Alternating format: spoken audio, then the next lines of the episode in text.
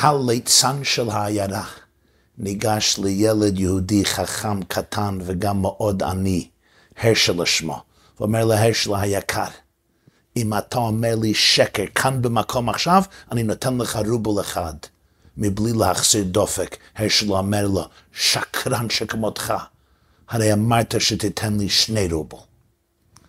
בספר במדבר, בפרשת בעלותך, מתארת התורה את התהליך והטקס שבו הוקדשו הלוויים באופן רשמי לנציגיהם הרוחנים של העם ולשרת בתוך המשכן ומאוחר יותר בתוך, בית המקדש.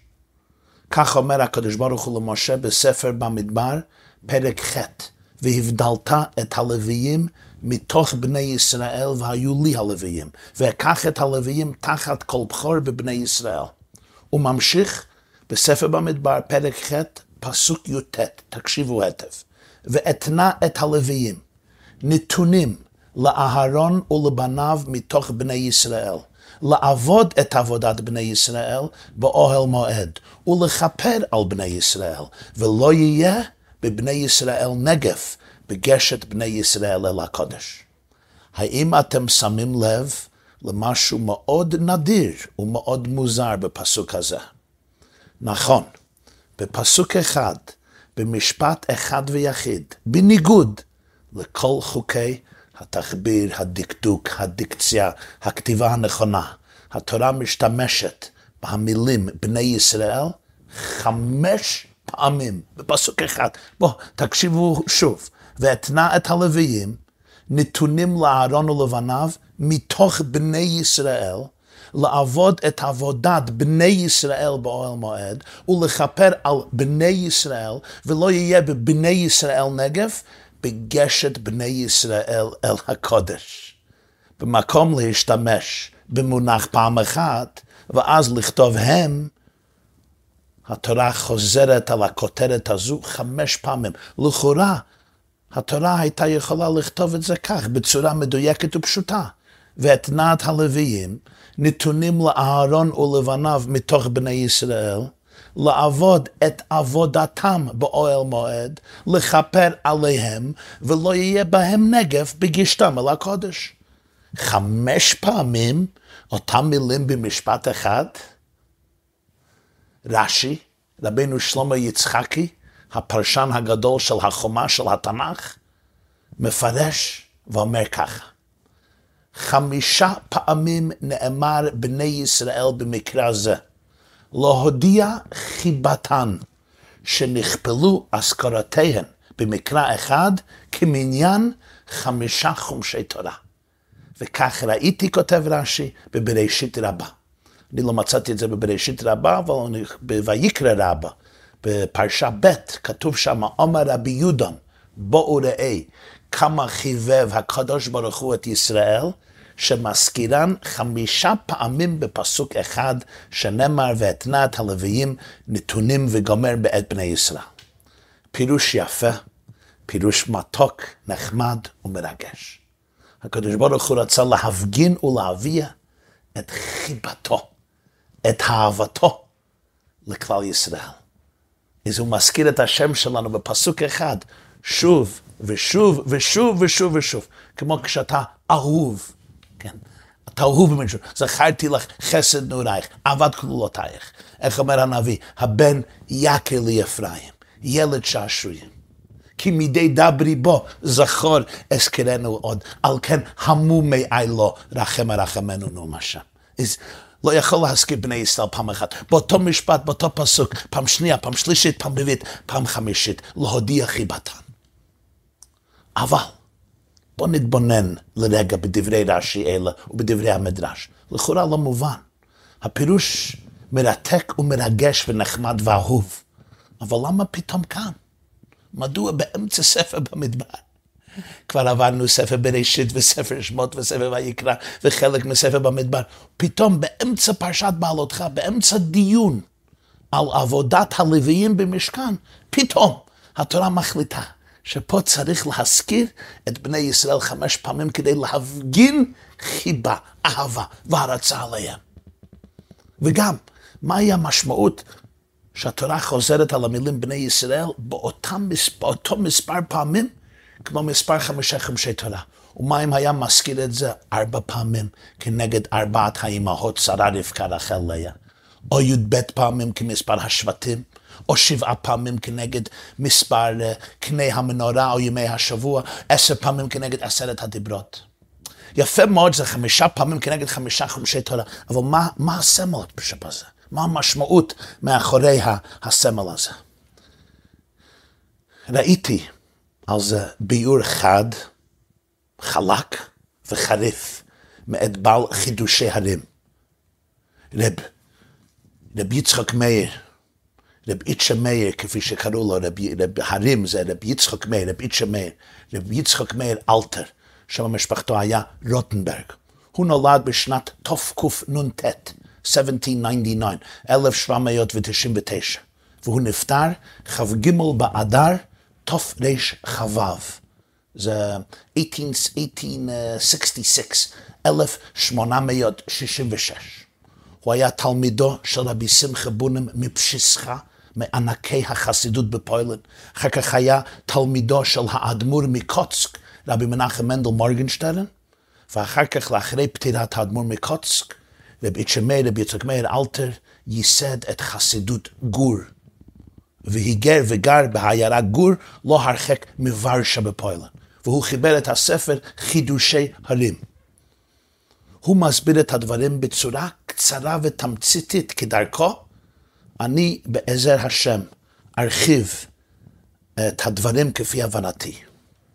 הווה נזכור מה קורה בשלב זה בהיסטוריה של עם ישראל. הקדוש ברוך הוא אומר למשה, פתאום לבחור את שבט לוי לשרת במקדש, יש פה רקע שלם, יש פה התפתחות.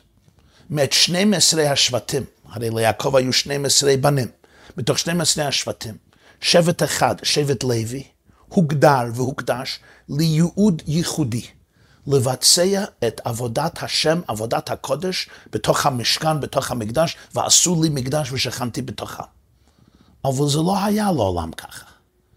קודם, קודם לכך, תפקיד זה היה שייך לבחורי בני ישראל. להבן הראשון בכל משפחה, בכורי בני ישראל, כפי שכבר מסופר בתורה, בפרשת במדבר ופרשת בעלותך. הם היו אלה שקיבלו את הזכות הזו לעבוד עבודת הקרבנות, להיות את הנציגים הרוחניים של העם, ללמד תורה ולשרת במקדש השם. מה קרה? לאחרי חטא עגל הזהב, כשהשבט היחיד שנמנע מלעבוד עגל הזהב ונלחם על האמת היה שבט לוי, אז השירות להשם נלקח מהבחורים וניתן לי להלוויים. כפי שהתורה מדגישה את זה כאן. לפני שהיא מזכירה את המילים בני ישראל חמש פעמים, אומרת התורה, אומר, אומר, אומרת התורה. הקדוש ברוך הוא אומר למשה רבנו, כפי שאמרנו קודם, והבדלת את הלוויים מתוך בני ישראל, והיו לי הלוויים, כי נתונים נתונים הם עלי מתוך בני ישראל, תחת פטרת כל רחם בכור מבני ישראל לקחתי אותם לי. כי לי כל בכור בבני ישראל, באדם ובבהמה, ביום הכותי כל בכור בארץ מצרים, הקדשתי אותם לי, ואקח את הלוויים תחת כל בכור בבני ישראל. התפקיד הזה של קדושה היה מיועד לבכורים, אבל אחרי חטא העגל, שקרה רק כמה שבועות, ארבעים יום לאחרי מעמד הר סיני, הבכורים הפסידו את התפקיד הזה. רק שבט לוי, שנשאר נאמן להשם ולתרתו ולאמונתנו, השבט הזה נבחר עכשיו תחת הבכורים כדי לשרת את הקדוש ברוך הוא בתוך המשכן. ואל יהי דבר זה קל בעיניך. יש uh, אמרה מרתקת ומעניינת בתלמוד בסוף מסכת מנחות, מסכת מנחות תקט עמוד ב', אמר רבי יהושע בן פרחיה, רבי יהושע בן פרחיה היה אחד ממנהיגי האומה בתקופת בית שני. הוא נזכר בפרקי אבות פרק ראשון כאחד מהזוגות, רבי יהושע בן פרחיה היה נשיא, הוא היה נשיא הרוחני של הסנהדרין. בתקופה ההיא, תקופה סוערת, אומר רבי יהושע בן פרחיה, בתחילה, כל האומר לי, עלי, אני כופתו ונותנו לפני הארי. אם מישהו אומר לי, הוא רוצה לאלץ אותי להיות מנהיג ישראל, לקח עמדה של שררה וכוח של מנהיגות רוחנית, אני רוצה לתן אותו לפני הארי, אני רוצה להיפטר ממנו, אני כל כך uh, כועס עליו. עכשיו הוא אומר, כל הוא אומר לי לרד ממנה, אני מטיל עליו קומקום של חמין. עכשיו שאני כבר מנהיג, מישהו שאומר לי, תלך מפה, תסתלק מפה, תרוקן את הכיסא שלך. אני שופך עליו קומקום של מים חמין שהיד סולדת בו, הוא נשרף. והוא ממשיך. תסתכלו על שאול, שאול המלך. הרי שאול ברח ממנה, וכשעלה למלוכה, ביקש להרוג את דוד. הרי שאול המלך היה ענב, איש עדין, לא רצה את המלוכה, ברח מזה לגמרי. אבל לפועל, כשהוא עלה על כיסא המלוכה, והוא חשד והוא הרגיש שדוד עוין לו, הוא רוצה לחסל את דוד. מה אומר לנו פה רבי ישוע בן פרחיה? הוא מעניק לנו פה מסר חשוב מאוד. אפילו אם מישהו מתחילה באמת לא היה מעוניין בזה, זה לא היה דבר שקרי, באמת, זה לא היה עניין שלו, לא צריך את זה, זה בסדר. אבל ברגע שהוא תואם טעם מנהיגות, קשה להיפרד. מעניין, יש פירוש של רבנו גרשם פה. רבנו גרשם אומר, למה מי שאומר לי לעלות לכס הנשיאות, אני כופתו לפני הארי, ומי שרוצה שאני ארד מהנהגה, אני שופך עליו קומקום של חמן. הוא אומר, האיש הראשון שרוצה שאני אעלה לנשיאות, הגם שאני לא רוצה בכך, אבל אני לא רוצה לאבד אותו בידיים. אני כופתו לפני הארי, שהארי יעשה את המלאכה הנבזה. אבל בסוף אני מטיל עליו קומקום של חמין, אני מאבד אותו בידיים שלי. אני לא מעניק, אני לא מעניק את הזכות הזה להארי, כי באמת קשה לעלות להנהגה. למישהו מתבייש, למישהו לא חושב שהוא ראוי, אבל הרבה יותר קשה לרד. ברגע שאתה מקבל תפקיד של מנהיגות, קשה מאוד להיפרד ממנה. זה רעיון חשוב מאוד להבין, וזה לא רק עניין של יהירות. אני אוהב את התקשורת, את התשומת לב, את, הצ... את הנהגים, את, הצ... את, ה... את הכתבות, לא מדובר על זה. יש כאלה כמובן שזה גם מדבר עליהם, מדובר על עניין אחר, זה דבר הרבה יותר עמוק. מנהיגות, עמדה של מנהיגות, באיזה תחום שתה, באיזה תחום שהוא, מדליקה איזה ניצוץ חבוי ועמוק בנפש האדם. חכמי הקבלה והחסידות קראו לזה מידת המלכות. מידת המלכות מושרשת עמוק עמוק מאוד בנפש האדם, אבל לפעמים זה לא נדלק. אני לא מרגיש את זה בצורה, בצורה, אה, בצורה גלויה. זה נמצא בתת מודעות, בתת הכרה. זה פתיל מסוים של נפש האדם שנדלק בך כאשר אתה מתעלה לעמדת מנהיגות. ולהשאיר את זה מאחור, זה כואב. נוצר פה חלל עצום. וזה מה שקרה בסיפור הזה. אומר לנו רבי איצ'ה מאיר, זכותו יגן עלינו, בעל חידושי הרים, מייסד והאדמו"ר הראשון לשושלת חסידות גור. הוא אומר, בוא נקשיב למה שקורה. הבכורים, הבנים הראשונים, הכי מבוגרים של כל משפחה יהודית, היו בעמדת מנהיגות רוחנית במשך הרבה דורות. הרי בפרשת תולדות, כבר בזמן יעקב ועשיו, אנחנו רואים איזה חשיבות הקדישו לבן הבכור, ולכן רצה יעקב אבינו לקנות את הבכורה מאח הבכור מעשיו. ויבז עשיו את הבכורה, והוא מכר את זה ליעקב עבור נזיד עד השם. זה כבר מאות שנה שהבכורים מייצגים את, ה, את עבודת השם, הם זה שמקריבים קרבנות כפי שזה היה אז בתקופה ההיא. כעת, בפרשת בעלותך, הם קיבלו הוראה לוותר על הכל. להעביר את הסמכויות האלו ואת הזכות הגדולה הזו להלוויים. ובכל זאת, הם לא שופכים קומקום של חמין על אהרון הכהן ומשה רבנו, או על הלוויים. למרבה הפלא, איננו מוצאים כאן מרד של הבכורים. אפילו לא מחאה, אפילו לא זעקה. הם לא צועקים כפי שעוד יסופר בפרשה הזו, למה ניגרע? זה לא פיר, זה לא צודק.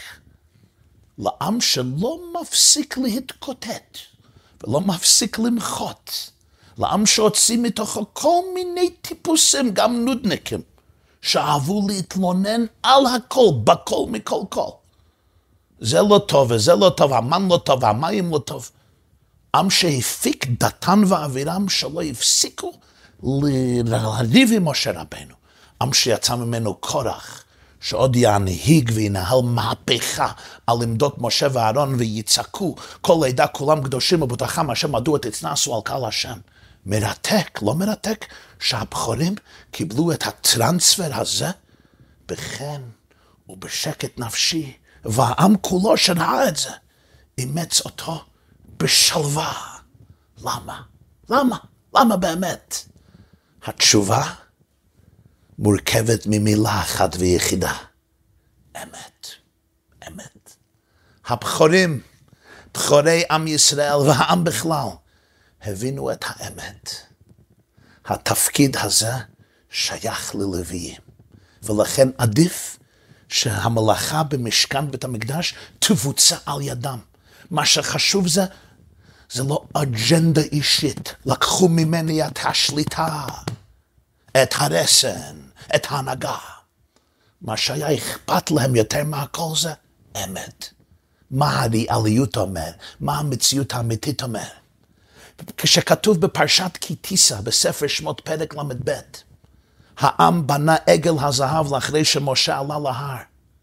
ויעמוד משה בשער המחנה ויאמר, מי לאדוני אליי? ויאספו אליו כל בני לוי, כל בני לוי. כל בני לוי באותו רגע הכריז בנאמנות נדירה, מי להשם אליי?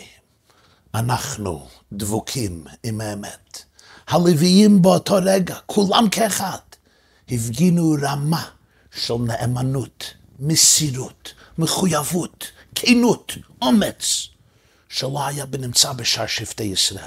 הם אלה שראויים לייצג העם מבחינה רוחנית, ללמד תורה לעם, יורו משפטיך ליעקב ותורתך לישראל, לייצג את העם בפני הקדוש ברוך הוא בתוך משכן השם ושכנתי בתוכם.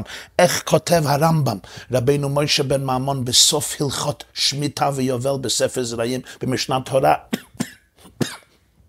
אני מצטט את דברי הרמב"ם, ולמה לא זכה לוי בנחלת ארץ ישראל ובביזתה עם אחיו, מפני שהובדל לעבוד את השם לשרתו, להורות דרכיו הישרים ומשפטיו הצדיקים לרבים, שנאמר יורו משפטיך ליעקב ותורתך לישראל. לפיכך הובדלו מדרכי העולם.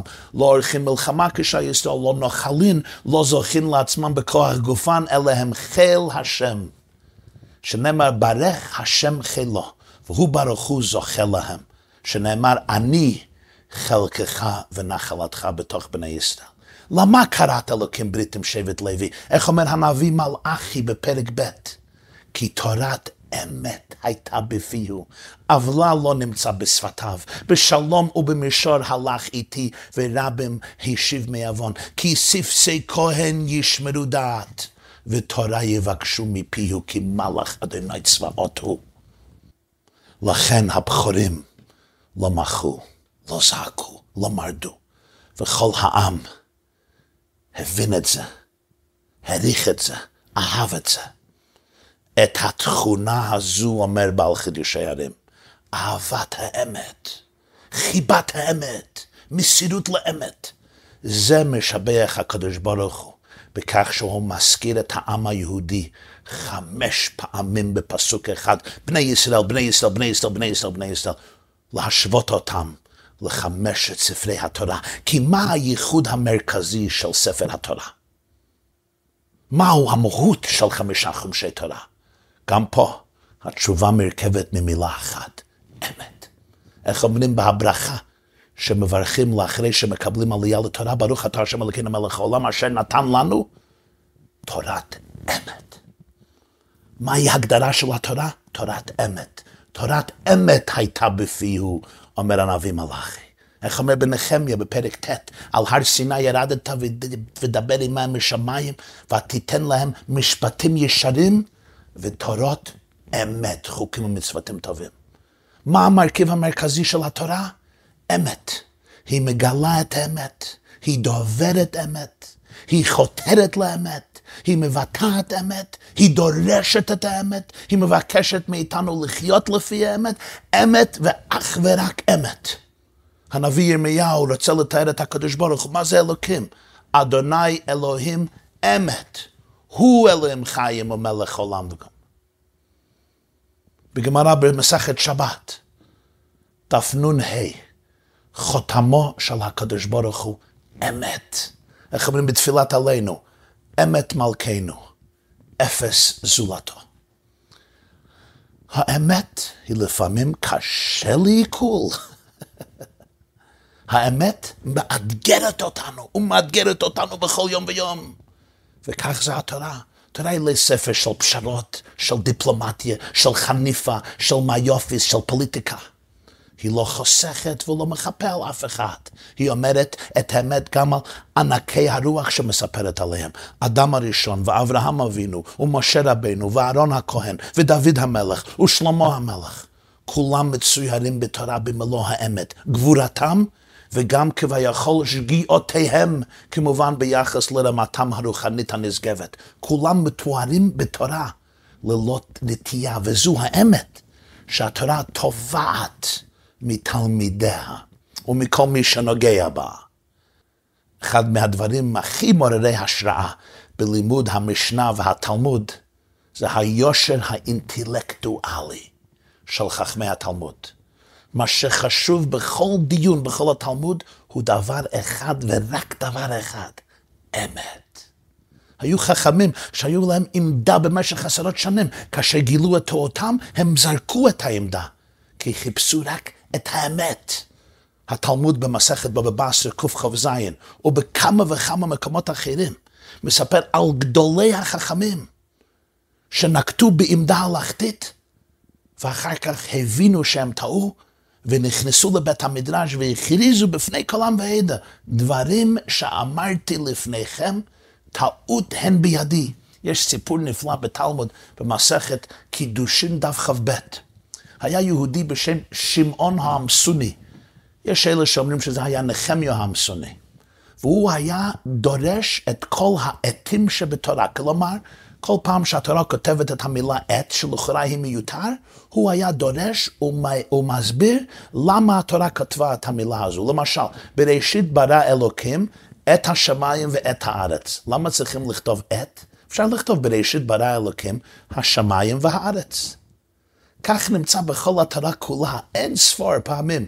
עת, עת, עת, כבד את אביך ואת אמך. למה כתוב עת? כבד אחיך ואיך ואימך. שמעון העמסוני הקדיש את חייו לדרוש כל עת שכתוב בספר התורה. כיוון שהגיע הוא מצליח לבאר כל עת בספר בראשית, בספר שמות, בספר ויקרא, בספר במדבר, בספר דברים, עד שהוא מגיע בפרשת ואת חנן, להמילה, לפסוק את השם אלוקיך תירא. למה כתוב את? את השם אלוקיך תירא. היה יכול לכתוב השם אלוקיך תירא. כל העטים בכל התורה כולה, הוא דרש, זה, זה מוסיף משהו, מרבה משהו, ורחץ את בשרו במים, לרבות זה שטפל להבשר, שאני צריך להטביל במקווה גם שרות שלי. כבד את אביך ואת אמך, זה לרבות את אחיך הגדול. אבל את השם אלוקיך תירא, מי צריכים להרבות? את מי אני צריך לירא חוץ מהקדוש ברוך הוא? פירש. שמעון המסוני, קוויט, הוא פירש, הוא אמר, זהו, גמרתי, טעיתי. אמרו לו, רב, אמרו לו תלמידיו, רבי, כל עטין שדרשת, מה תהא עליהם? הרי הקדשת, אני יודע כמה, כמה זמן, לדרוש כל עת שכתוב בתורה. ועכשיו אתה זורק הכל לפח? אמר להם, תשמעו את המילים, כשם שקיבלתי שכר על הדרישה, כך קיבלתי על הפרישה. זה לא משחק פה, אין פה אג'נדות שיגידו פסו, שמעון המסוני, גדול הדור, יודע כל עת. אני חותר לדבר אחד, האמת. קיבלתי שכר על הדרישה, עכשיו אני מקבל שכר על הפרישה. אצלי זה אותו דבר. אם אני דורש, אם אני פורש. אם אני אומר חידוש או אני אומר טעיתי. כי אני מחפש את האמת, רבותיי, תלמידים יקרים, נכון, הקדשתי הרבה שנים והמון זמן לדרוש כל עת. עכשיו אני רואה, טעיתי, את השם אלוקיך תראה. כי נראה שהסיבה שהקדוש ברוך הוא כתב עת בתורה, אני לא יודע, אני לא יכול לדרוש את זה. ממשיכה הגמרא, עד שבא רבי עקיבא, והוא לימד את השם אלוקיך תראה לרבות תלמידי חכמים. העת זה אני צריך ליראה מהקדוש ברוך הוא, וזה מרבה גם שיש מצווה של יראה מתלמידי חכמים. עכשיו אני רוצה לשאול אתכם שאלה, למה שמעון העמסוני לא היה יכול להגיד את הדרשה הזו של רבי עקיבא? עד שבא רבי עקיבא. גם, בדרך כלל בכל המחלוקת בתלמוד כתוב דברי בית שמאי, דברי בית הלל, דברי רב מאיר, דברי רב יוסי, דברי רב שמעון, דברי רב יהודה. דברי רב שמעון, רב יהודה אומר. פה זה ביטוי נדיר, עד שבא רבי עקיבא. היה כתוב לכתוב, היה, היה יכול לכתוב, שמעון העמסוני פירש, רב עקיבא אומר, עד שבא רבי עקיבא. אחד מגדולי המוסר בדור האחרון היה יהודי, רב לייב חסמן. רב חסמן היה מנהל ישיבת טלז, מנהל ישיבת חברון, הוא נפטר בשנת תרצ"ו, 1936, 1936. הוא היה מראשי תנועת המוסר בליטא. והוא אמר רעיון, משהו משהו על הגמרא הזו. הוא אמר, אתם לא מבינים את הגמרא? רבי עקיבא לא חלק עם שמעון המסוני. מה שאמר רבי עקיבא היה המשך לשמעון המסוני. עד שבוא רבי עקיבא. רבי עקיבא אומר לתלמידים שלהם, חבר'ה, בואו תראו משהו. יש יהודי, שמעון המסוני, הקדיש את כל חייו לדבר אחד, למשימה אחת, לדרוש את האתים שבתורה. כמה אתים יש בתורה? אני לא יודע, מאות, מאות, מאות. וכל עת ועת, כל פעם שכתוב, הוא דרש את זה. זה היה משימת חייו, והוא הצליח. ספר בראשית, ספר שמות, ספר ויקרא, ספר מדבר, עד שהגיע לאת השם הלקח תראה בפרשת ואת חנן, עמד ופירש. אני לא יכול להבין את זה. היה צריך להגיד לתלמידים, בוא נדלג על זה, נפרש כל השאר, ואחר כך או שנמצא ביור לאת העת השם הלקח תראה, ואם לא, בסדר. עת אחד לא יסתדר. מה יש?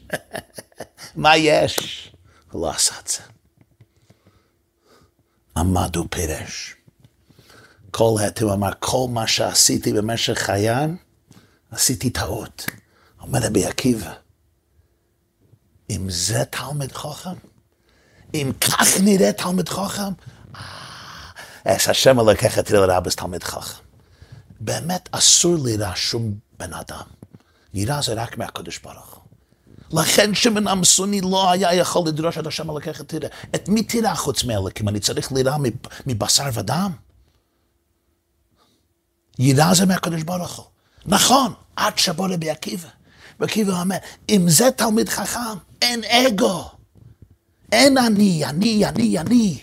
כבוד שלי, עמדה שלי, קהילה שלי, תמונה שלי, רפוטציה שלי, שם שלי. אני מחפש רק אמת. מהי האמת? לא אני, אני, אני, אני, האגו שלי, הנרציסיזם שלי. אם זה תלמיד חכם, יכול לזרוק שנים של עבודה או להודות על האמת, כי הוא מחפש רק האמת, מחפש רק דבקות עם השם אלוקים אמת. אז את השם אלוקיך תראה לרבס תלמיד חכם. מתלמיד חכם כזה אפשר ליראה. למה? כי אין לו אגו.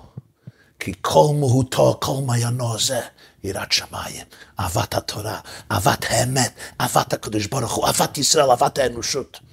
אחד מענקי החסידות אמר פעם, כתוב בפרקי אבות, ויהי מוירה רבך כמורה שמיים. המורה של הרב של היק, זה כמו רבי עקיבא פה. מה פירוש מורה בכמורה שמיים? הוא פירש דבר נפלא. זה לא ציווי, זה הבטחה. Prediction, זה הבטחה. מורה רבך יהיה כמו מורה שמיים שלו. היראה שתהיה לך מהרבה שלך, תהיה אותה יראה שיש להרבה שלך מאת הקדוש ברוך הוא.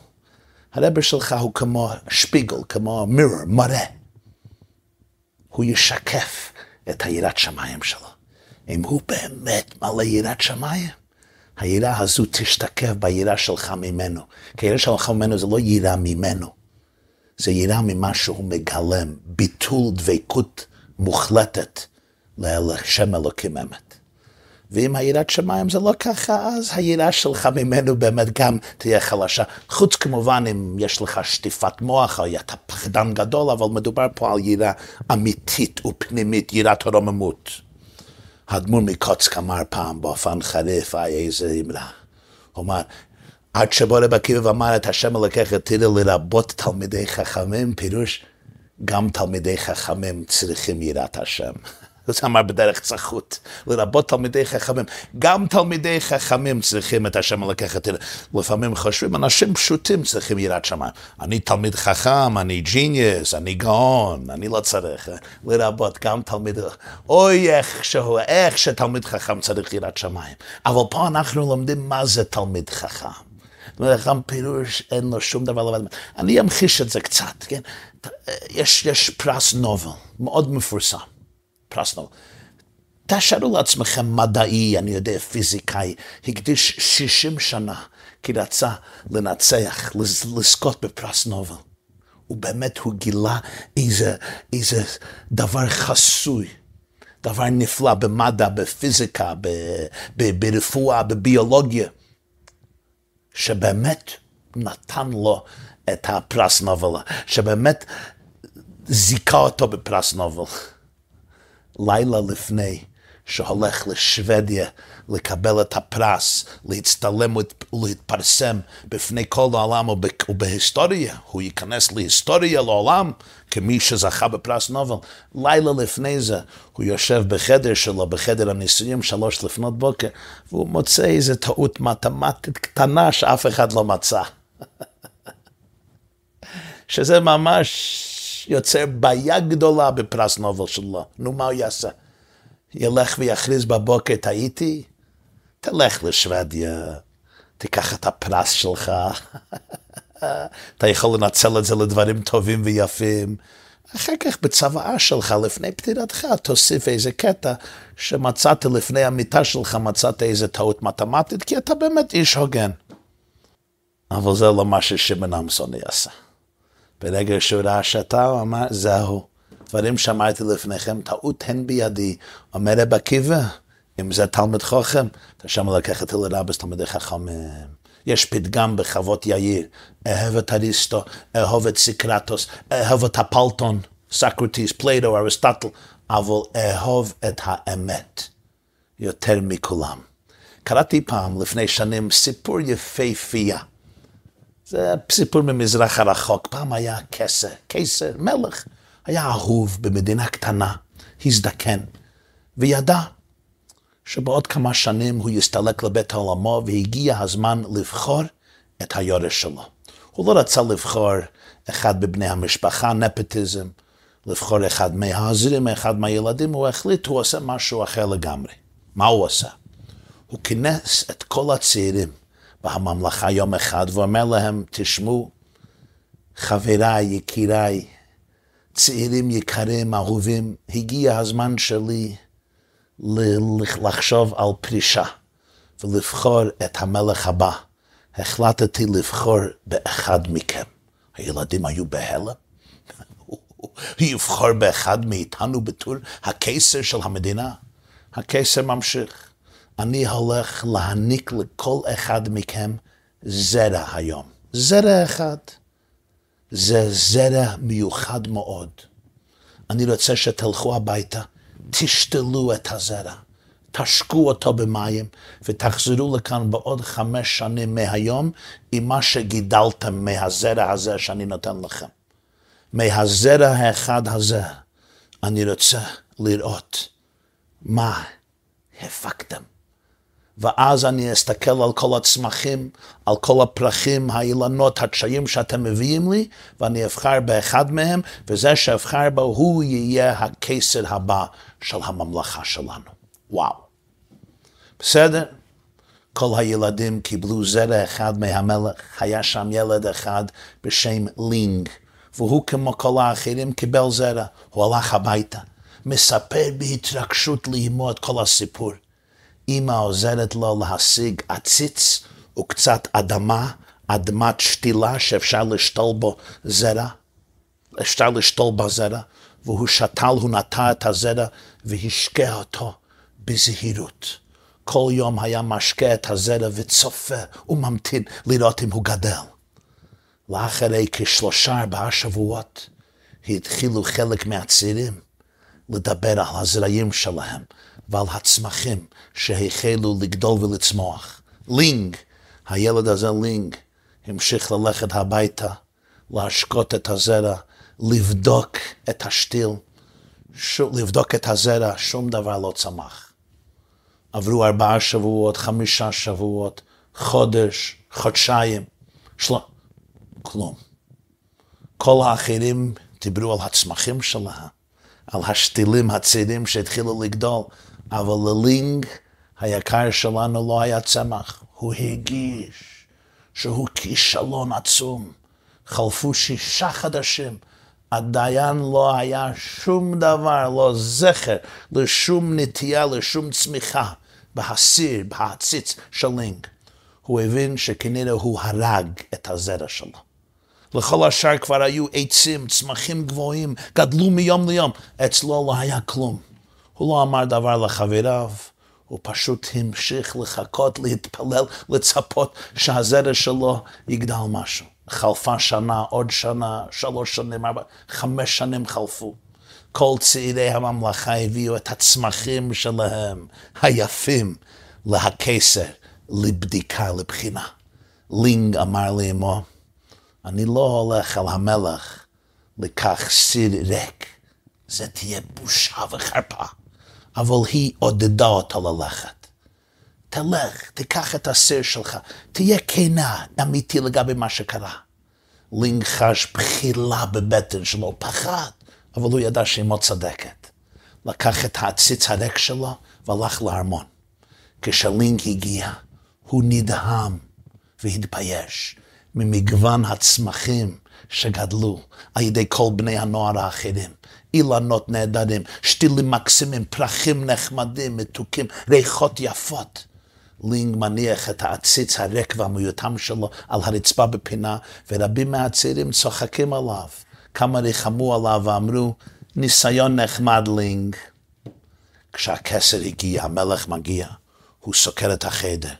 לינג רצה פשוט להתחבא וואו, אומר המלך, איזה צמחים, איזה עצים, איזה פרחים, וואו, ראו גידולים שגידלתם, היום אחד מכם ימונה למלך הבא, לפתע. פתאום הקיסר הבחין בלינג בחלק האחורי של החדר עם סיר ריק, עציץ ריקה.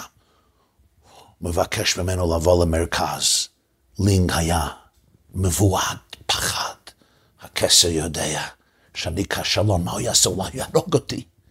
כאשר לינג מגיע למרכז החדר, שואל אותו המלך, מה שמך? הוא אומר בבושה, שמי לינג. כל הילדים צוחקים. הכסר מבקש מכולם לשתוק.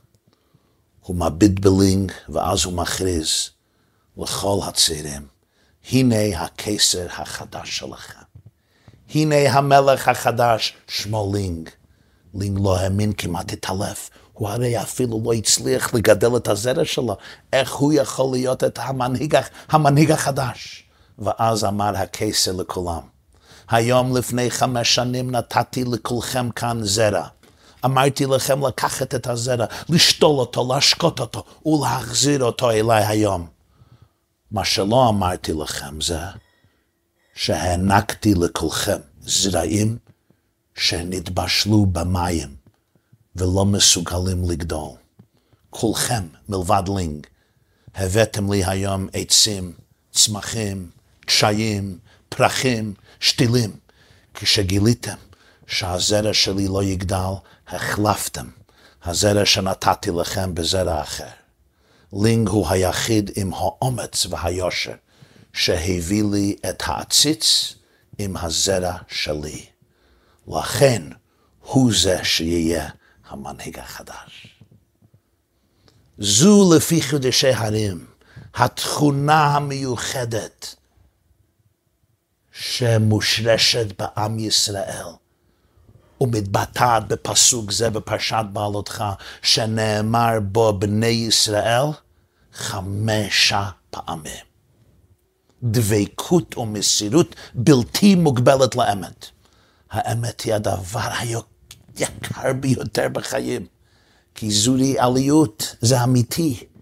כשהעם היהודי הבין שהזרע לא יגדל, שהבחורים לא יכולים לעשות את העבודה במשכן, במקום לשקר לעצמם ולאחרים ולהגיד, בוא נשמור על הכבוד שלנו, בוא נשמור על החזות, בוא נשמור על המשפחה, בוא נמשיך את המשחק. הם חשפו את הזרע העקר והכריזו, הגיע הזמן לרוקן את הכיסא, הגיע הזמן להכניס את הלוויים. תכונה זו היא שהקנתה לעמנו את חמשת ספרי התורה, תורת אמת. איך אומר שמעון המסוני לתלמידיו? כשם שקיבלתי שכר על הדרישה, כך, הקבל, כך קיבלתי שכר על הפרישה. איזה תגובה מלכותית. אני לא באתי לכאן כדי לעשות לעצמי שם. אני מחפש את האמת. ואם האמת תוכיח שאני טועה, אני שמח לחבק את האמת הזו. כי אם האמת מנצחת, אני ניצחתי. אני קיבלתי פרס, קיבלתי שכר על הפרישה. להיות מובס על ידי האמת היא התבוסה היחידה שהיא באמת כל כולה ניצחון, כי הנפש חותרת לאמת. וזה נכון בכל אחד מחיינו, רק כאשר אתה או אני הופכים להיות כנים לחלוטין עם המצב והמציאות שלי ושלך, אני ואתה יכולים באמת לעשות משהו מעצמנו. אתה יכול להפוך למקור אמיתי של מנהיגות והשראה לעצמך או לאחרים. האתגר הנצחי של התורה והיהדות היא תחיה עם אמת ועם אמת ורק עם האמת. וכשם שנקבל שכר על הדרישה, כך נקבל שכר על הפרישה. שלום, תודה רבה.